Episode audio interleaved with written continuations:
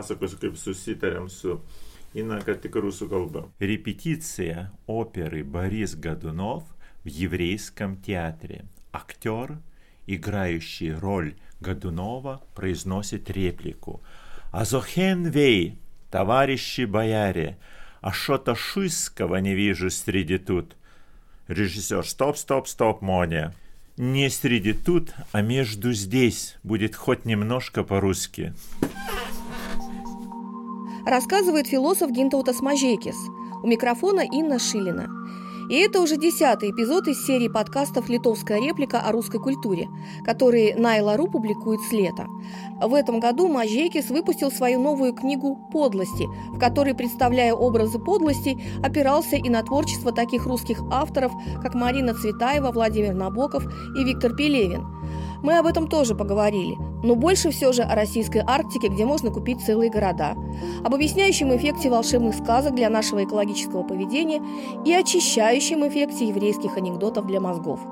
Великий русский художник Левитан родился в бедной еврейской семье. Многие великие русские писатели, художники и композиторы имели неосторожность рождаться в еврейских семьях. В Литве уже выпал и растаял первый снег, а мы отправляемся туда, где он пока не тает. Есть арктический район России. Чаще всего он идентифицируется с определенной географической широтой. Специально помечается. Но для меня в первую очередь это тундра, земля вечной мерзлоты. И может еще немного тайги. Раньше это была территория, где росли только маленькие березки, а теперь растут высокие ели. Значит, климат изменился. Северный Урал, Воркута, север Сибири, Якутия. Там, где вечная мерзлота. Это арктический район. А он мне интересен из-за своей судьбы. И, как я понимаю, он интересен не только мне, но и современным властям России. В будущем, наверное, будет интересен и властям всего мира. Это те территории, которые безжалостно эксплуатируются из-за нефти и угля. И мне интересно, как судьбу этих земель видят местные жители. Инженеры с высшим образованием, с очень образованными семьями приезжают в регион Арктики, помогают его индустриализировать, добывать нефть, газ и так далее. А когда все эти ресурсы заканчиваются, они уезжают и все это бросают. Шахты заливают водой, оставляют огромное количество угольных отходов, загрязняют огромные территории. Эти территории становятся природно непригодными. Загрязняют реки и озера, очень плохо сотрудничают с местными жителями, ненцами, якутами, чукчами, коми. В конце концов, города остаются запущенными. А власть даже финансирует выселение этих городов, потому что финансовая поддержка не окупается. Они не переносят туда никакого производства. Никто не копирует опыт, например, Северной Швеции или Норвегии. То, как они поступают с городками района Северной Арктики, какие делают инвестиции и какие есть новые индустриальные возможности. Говоря иначе, для региона Арктики в долгосрочной перспективе последствия этого просветленного ума катастрофические. А вот местные жители, русские старообрядцы и, разумеется, малые народы, которые недостаточно образованы, Многие окончили всего четыре класса и мало что понимают о мире. Но опираются на свои мифы, свои рассказы. Например, о том, что Воркута — это земля медведей. Хотя нет там ни одного медведя, наверное. Ну, когда-то были? Да, когда-то были. 100-150 лет назад. И они, следуя своей непросвещенной мифологии, понимают эту землю намного экологичнее. Понимают ее заселение. И хотя не говорят языком образованного, окончившего университет человека, все-таки их отношения с теми землями, несомненно, прогрессивнее, нежели тех прогрессивных, в кавычках, людей, которые приезжают индустриально израсходовать и выкинуть все это.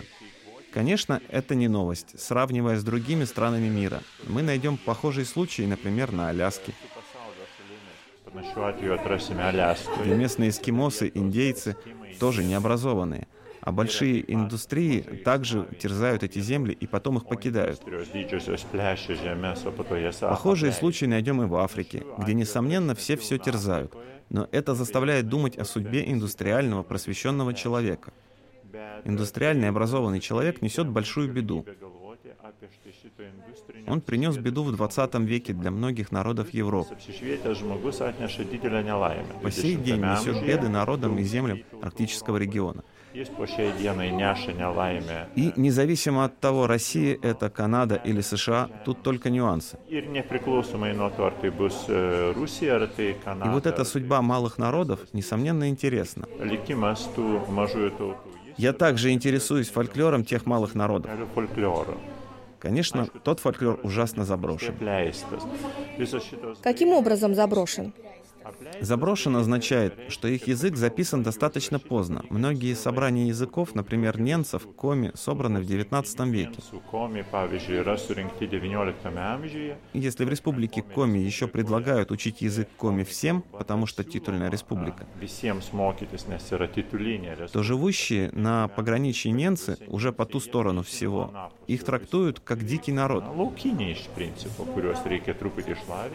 взгляд на земли которого на самом деле никому не важен, и за права которых никто не борется. Я говорил с представителями революционных профсоюзов, которые борются с местной монополией, с теми, кто терзает эту землю. Если раньше Советский Союз был как большой монополист, то сейчас олигархи, местные монополисты. Какой-то одной компании принадлежат огромные территории, больше Литвы в 10 раз.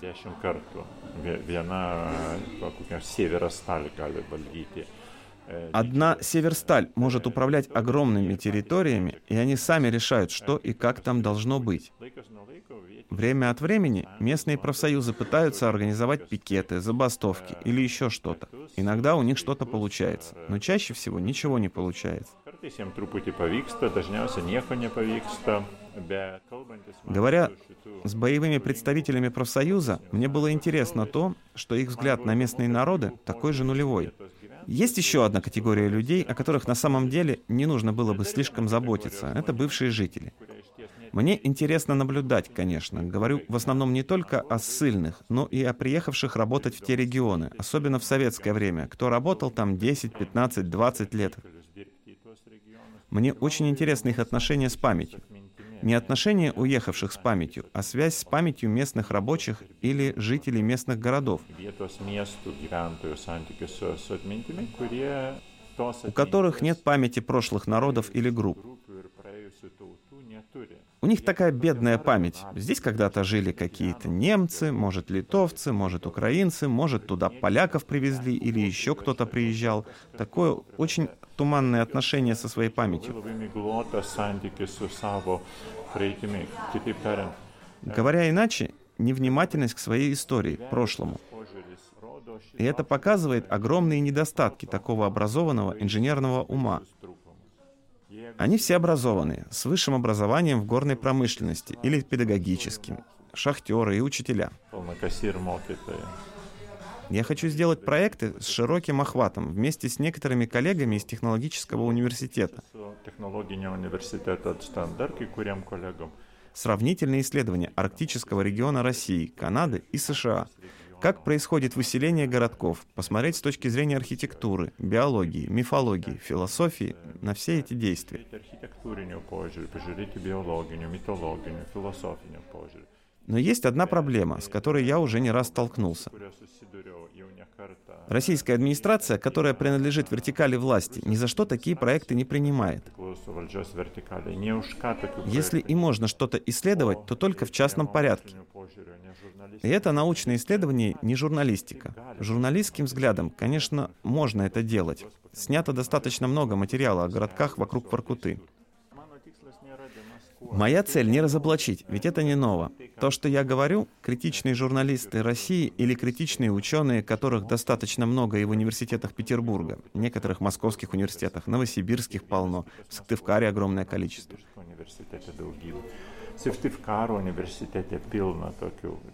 Они тоже говорят, ничего нового в этом нет. Но в Литве этот материал воспринимается как пропаганда антипутинского режима, а я не хочу представлять этот материал как пропаганду.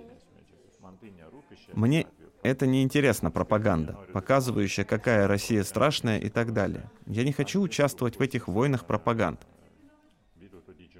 Я преподаю в университете Витутаса Великого курс «Анализ пропаганды и информационных войн» и сам не склонен в этом участвовать. По моему мнению, предложим ли мы пропаганду или контрпропаганду, показывая, какая плохая и страшная вражеская страна, оба случая деструктивны с точки зрения нашей психики. Они деструктивны не только для страны, но и для твоей психики. И всем говорю, если вы не анализируете пропаганду, лучше попытаться избежать такого образа мышления. Когда я думаю о заброшенных регионах Арктики в России и тех ученых, которые проводили там исследования, например, Донатас Брандишаускас, постдоктор, некоторое время был моим студентом, коллега. Он проводит исследования о сибирских шаманах, ездит постоянно. То мы смотрим на это не глазами пропаганды или политики, а с точки зрения общения, солидарности и помощи. Это совсем другой взгляд. Я делаю это не для того, чтобы сказать, посмотрите, какие заброшенные регионы Арктики. Или показать, какая российская власть неудачница. У меня совсем другая цель. Показать это, подумав, наверное, о главных причинах случившегося и какие есть решения проблемы. Потому что ровно такие же заброшенные города и катастрофические места есть и в других странах, не только в России. Так что Россия не является особенной в этом вопросе. А власти других стран ведут себя так же, как и российские? Небольшая разница есть. Я не могу сказать, что я исследовал весь материал о других странах, но что меня удивило в России, это радостные отчеты администраторов о том, что в этом году мы выселили, например, 20 городков, а в следующем году добьемся еще большего, выселим 25. Ir kitais metais pasieksime dar daugiau, iškeldysime 25. Я бы сказал радость от деструкции вместо того, чтобы думать, как их возродить и придумать, чем там новым можно заняться. Единственное видение местных жителей, что Москва-Путин пытается завоевать Арктику. Осваивает регионы Арктики, потому что новая нефть принесет новые возможности. Но опять же, это использование земных ресурсов, никаких технологий, культуры, видений. Просто истязать эти земли, а потом бросить. А местные жители, животные никому не важны. Даже понимания такого нет. Какую форму может приобрести это исследование? Это может быть коллективная монография, фильм какой-то по возможности или просто сотрудничество.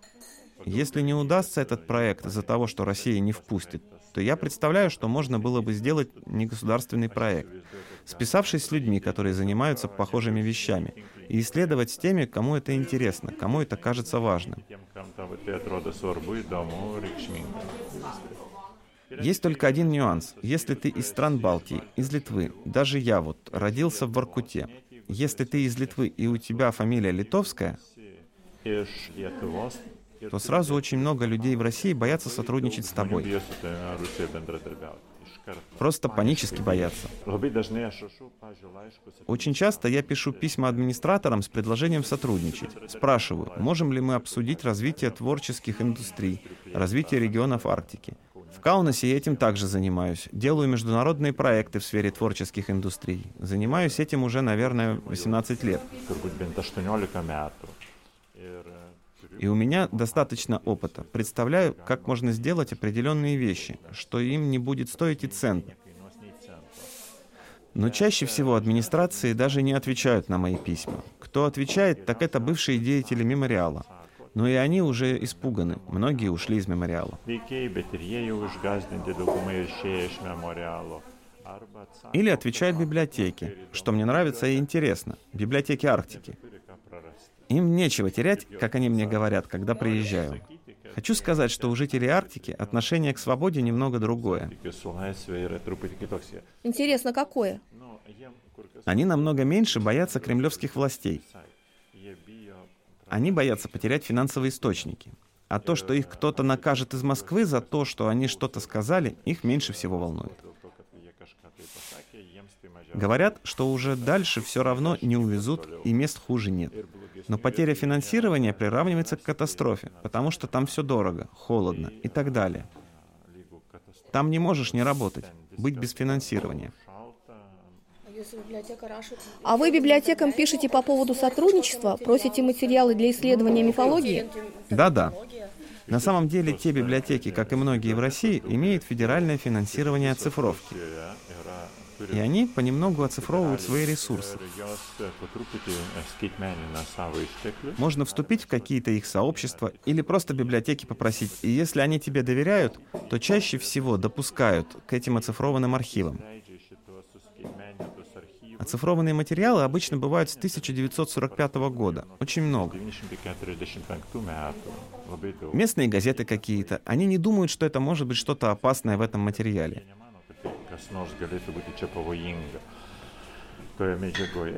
Через эти архивы можно прийти и к театрам местным, если они еще есть.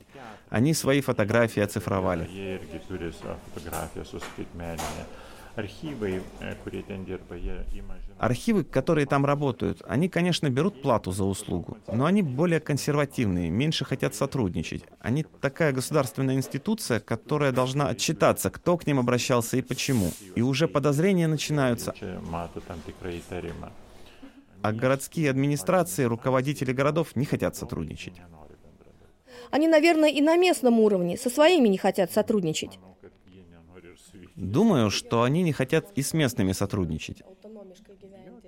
Автономно от людей хотят жить.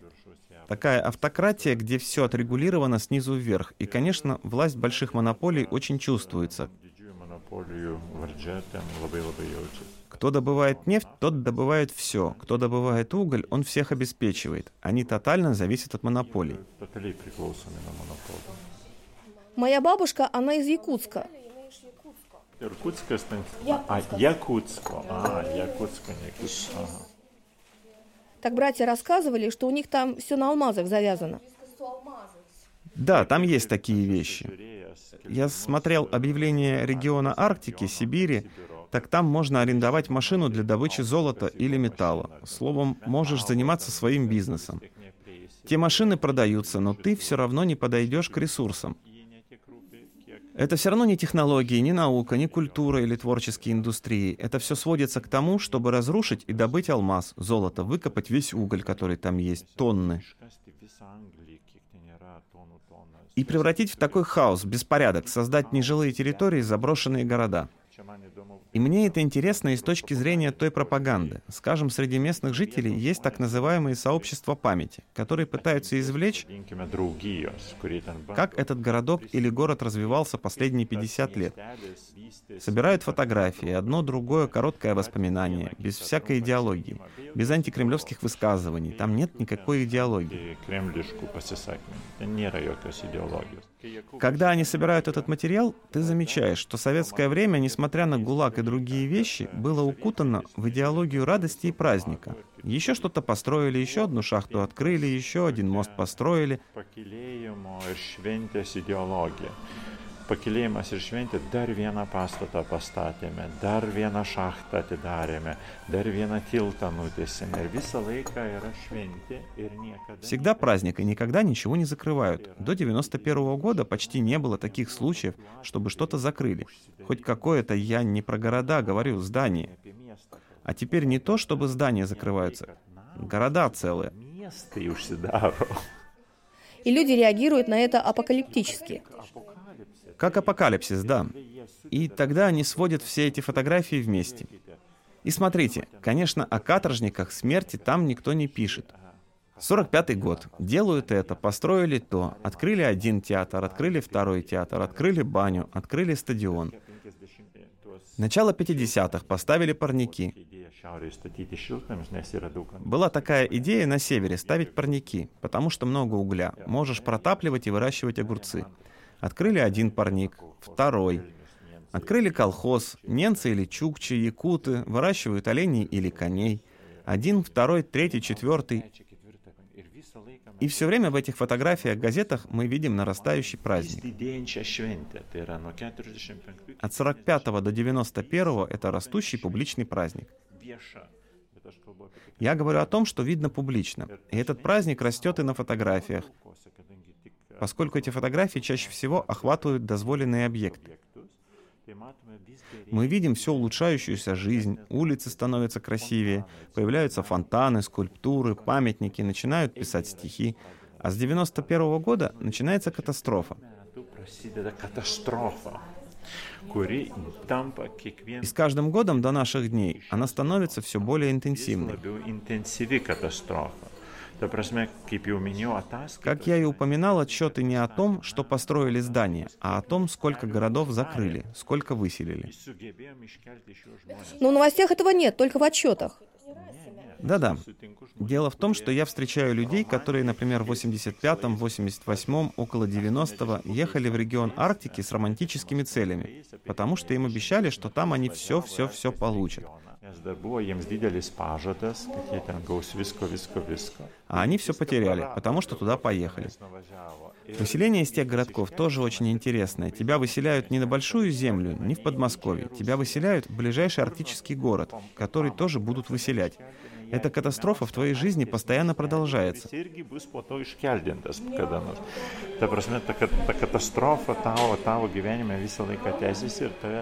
Тебя никто не финансирует, чтобы ты уехал куда-то в Крым. Это означает, что если ты хочешь куда-то убежать, у тебя должны быть деньги для всей семьи. Квартиру ты не можешь продать, потому что там бесплатно можешь пятиэтажный дом получить, не то что квартиру tai variantas, kad tu būtą parduosi. Не, dažniausiai tuose регионуose нėra. Чаще всего в тех регионах нет дорог. Единственная связь с остальной Россией — это железные дороги. Можешь какую-то одну-другую мебель в контейнере перевести, но в целом ты должен все выкинуть и уехать только со своими сбережениями. Если ты молод, работаешь на шахте или в нефтяном деле, золото, алмазов или бриллиантов, накопил денег, не потратил всего, а зарплаты там платят хорошие. Если в России не произошел финансовый кризис, ты купишь что-то недалеко от Петербурга, Москвы или Новгорода и уедешь счастливый.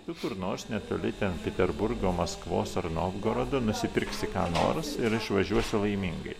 Но если у тебя есть старые родители, дети, семья, весь семейный быт, а мужчина немного выпивает, а женщина работает в школе или в библиотеке, где ничего не платят, так твой вариант уехать оттуда равен нулю. А как происходит выселение? На чем? На поезде? Выселение происходит так. Приезжают автомобили. Ты можешь сопротивляться и остаться, но отключат электричество отопление. Как будешь сопротивляться при минус 50? Никакой медицины, никто на вертолете не прилетит. Да-да, тогда им предлагают квартиры в ближайшем побольше городке какие-то 30, 50, 100 километров на машине и все. Там могут быть такие проблемы. Например, столкнулся с таким странным случаем. Я из Воркуты ехал в Варгашор, а поскольку я хотел объехать и другие городки, Юршор, Северный и так далее, и мне не подошел автобус, который там прямо едет, я договорился с местным таксистом, чтобы он меня возил. Это недорого, только кажется, что дорого, а в принципе не безграничная цена. Так таксист был иранец из Ирана, еле говоривший по-русски. Для меня это было удивительно. Я спросил, что он делает в таком богом забытом месте. Дева užmiršta užkampį. Он рассказал, что в 86-87 годах была программа сотрудничества между Советским Союзом и Ираном. И им пообещали, что они могут поехать работать на север России и получат хорошие зарплаты и все остальное. И он приехал. Сначала платили большие зарплаты, но поскольку была инфляция, то каждый раз эти зарплаты пропадали. Все, что зарабатывают, инфляция съедает. А долларов в то время в Арктике не купишь. Не купил золото, ничего и нет у тебя. Тогда он работал, работал 10-15 лет, ничего он не заработал. В конце концов, немного накопил и решил, чтобы эти деньги не пропали, инвестировать в недвижимое имущество. Там? Там. Там. Он начал скупать квартиры у тех, кто уезжал. Теперь, говорит, у него несколько пятиэтажных домов и ни одного человека. Сейчас он в Аргашоре предлагает квартиры бесплатно, чтобы кто-то приехал, использовал бы, жил, потому что он скоро один будет. Сейчас, говорит, у них продают детский сад очень дешево, но никто не хочет покупать детский сад.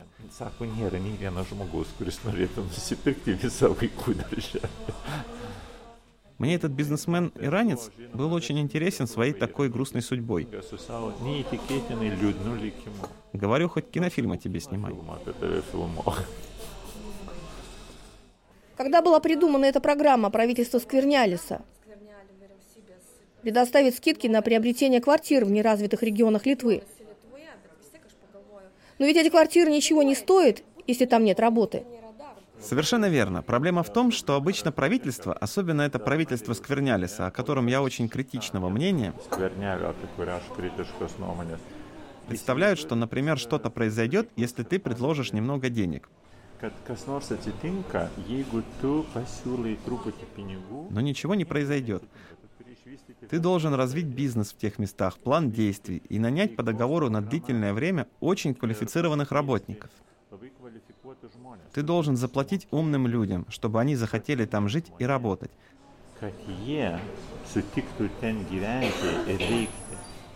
Достаточно давно, когда Шауляй начал понемногу приходить в упадок, первые оттуда начала уезжать богема, художники, философы, режиссеры, литераторы.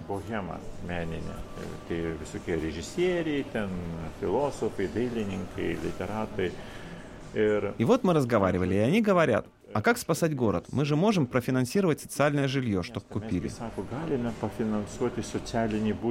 Но что социальное жилье означает? Люди, которые сами не в состоянии купить квартиру, берут социальное жилье. Так, а кто берет такое жилье? Местные алкоголики. Так вы их и финансируете. Говорю им, вы богему должны финансировать, покупать людей умных, а не социальное жилье. У вас будет 10 социальных квартир, потом будет 500, потом весь город будет из социальных квартир. Потому что не так это развивается. Я совсем недавно общался со своими белорусскими друзьями. Лукашенко ставит одну за другой ледовую арену, а в хоккей Белоруссия как проигрывала, так и проигрывает в своей лиге. Не сравнивая с литовцами, конечно, белорусы все равно выше. Так вот, белорусские критики говорят, хоть бы раз купил хорошего тренера. Построят арену, а тренеров хороших нет. Так ты должен инвестировать в тренера, а не в блестящую арену. Тогда и будут достижения.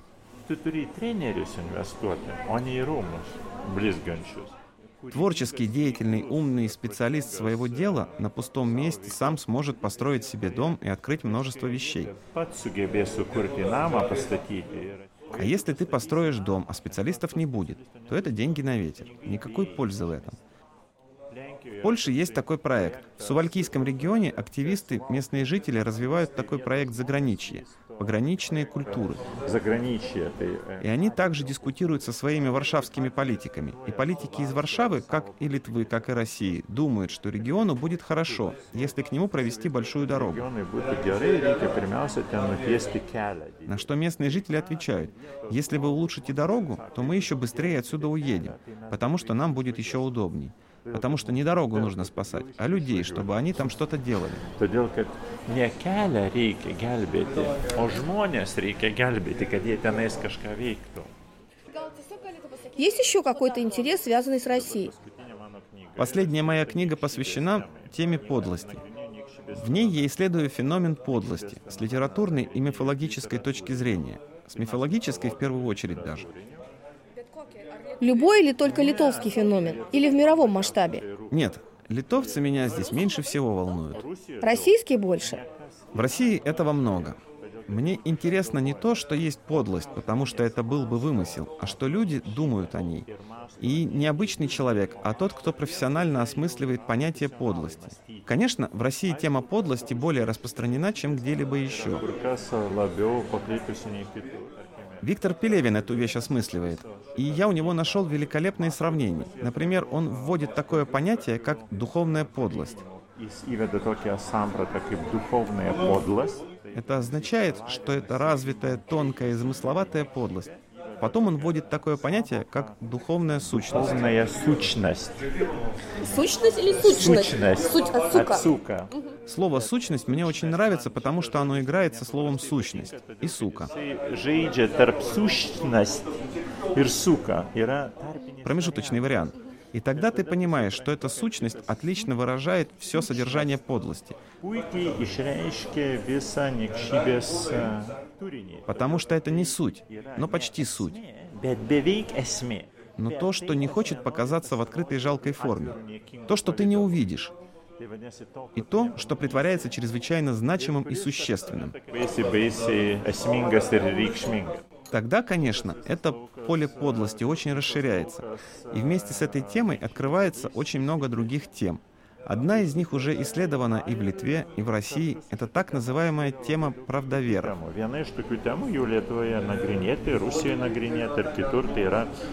vadinamų Этот термин в философии используется с иронией. И говорится не о религии, а о любой идеологии, в которую человек безоговорочно верит. Неважно, какая это идеология. Социализм, либерализм, консерватизм и так далее. liberalizmo, konservatizmo ar Так вот, этот человек становится правдовером. Понятие «правдовер» создал Леонидас Donskis.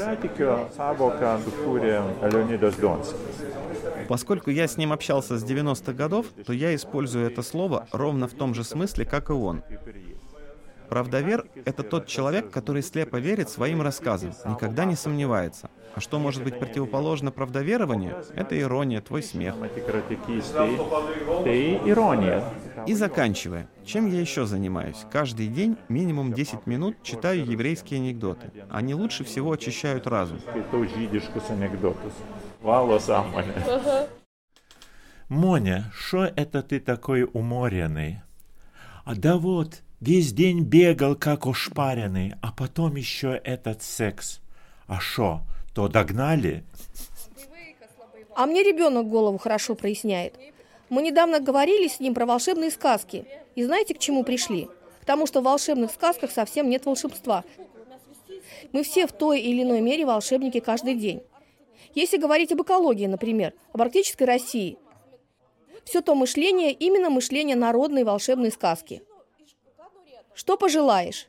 Дворец. Что еще пожелаешь? Карету, коня, жену. Но никто не задумывается, из каких ресурсов берется. Это по щучьему велению, по моему хотению. По щучьему велению, по моему хотению. Но проблема в том, что никто не интересуется, откуда щука все это берет. Kur lydeka visą šitai gauna. И сколько использовано в Китае, Африке, Арктике, Амазонии. И говорит, так и нет никакого волшебства в этих сказках. Нету. Правильно он рассуждает. По щучьему велению означает, что 20 деревень были опустошены, и ты получил автомобиль. А тех 20 опустошенных деревень ты и не видишь, потому что это по щучьему велению моему хотению. Да, абсолютно точно, этот феномен есть, и чудо по щучьему велению – один из самых страшных феноменов разума. Po šiučiamo veleniu yra, žinoma, kad vienas iš e, baisių sąmonės fenomenų.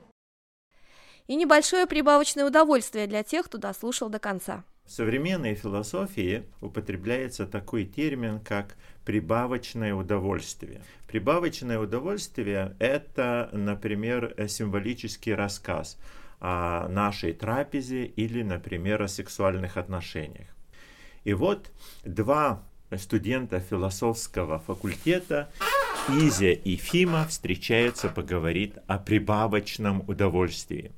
И Фима спрашивает у Изи, что такое, вот объясни, что такое прибавочное удовольствие?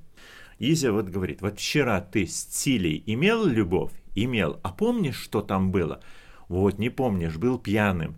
Никакого прибавочного удовольствия у тебя не было. А что такое прибавочное удовольствие? А прибавочное удовольствие тогда, когда ты помнишь с утра, что было вчера, можешь рефлектировать. Это прибавочное удовольствие. Это как у Адама и Евы в раю. Вот они уме- имеют любовь, и вот помнят, но рассказать некому. Это маленькое прибавочное удовольствие. А что, бывает побольше? Да, бывает побольше. Вот, например, как у Авраама и, и Сары. У, когда Аврааму было 100 лет, а Саре 90, они дождались Исаака. И вот про этот секс они рассказали всей общественности, и все это обсуждали это было более высокое прибавочное удовольствие. Все знали, это коммуникация, это общественное удовольствие от секса. А бывает еще больше. Что, бывает еще больше? Да, историческое прибавочное удовольствие. А какое это прибавочное историческое удовольствие? А вот посмотри, когда раввины рассказывают о том, как секс имел Авраам с Сарой, это уже историческое прибавочное удовольствие. А если ты еще, как Равин, можешь рассказать и включить собственную любовь в этот исторический контекст, это вообще большое прибавочное удовольствие. Но бывает еще, понимаешь, Фиба, бывает еще более высокое прибавочное удовольствие. А какое это прибавочное удовольствие? Это на основании памяти, рефлексии, общественной коммуникации и истории произнести критику современной сексуальности. Какую это, критику? Вот смотри, Фива, вот ты ничего не помнишь. А я вот тебе рассказал о великом сексуальном прибавочном удовольствии. И вот я критикую тебя, и от этого у меня еще больше прибавочное удовольствие. И тогда Фива говорит, а ты слышал, Изя, что еще бывает более высокое прибавочное удовольствие? Да, ну, да ты что, да какое же? Диалектическое э, прибавочное удовольствие. Это какое такое? Это когда критикуешь критику и снимаешь эту критику.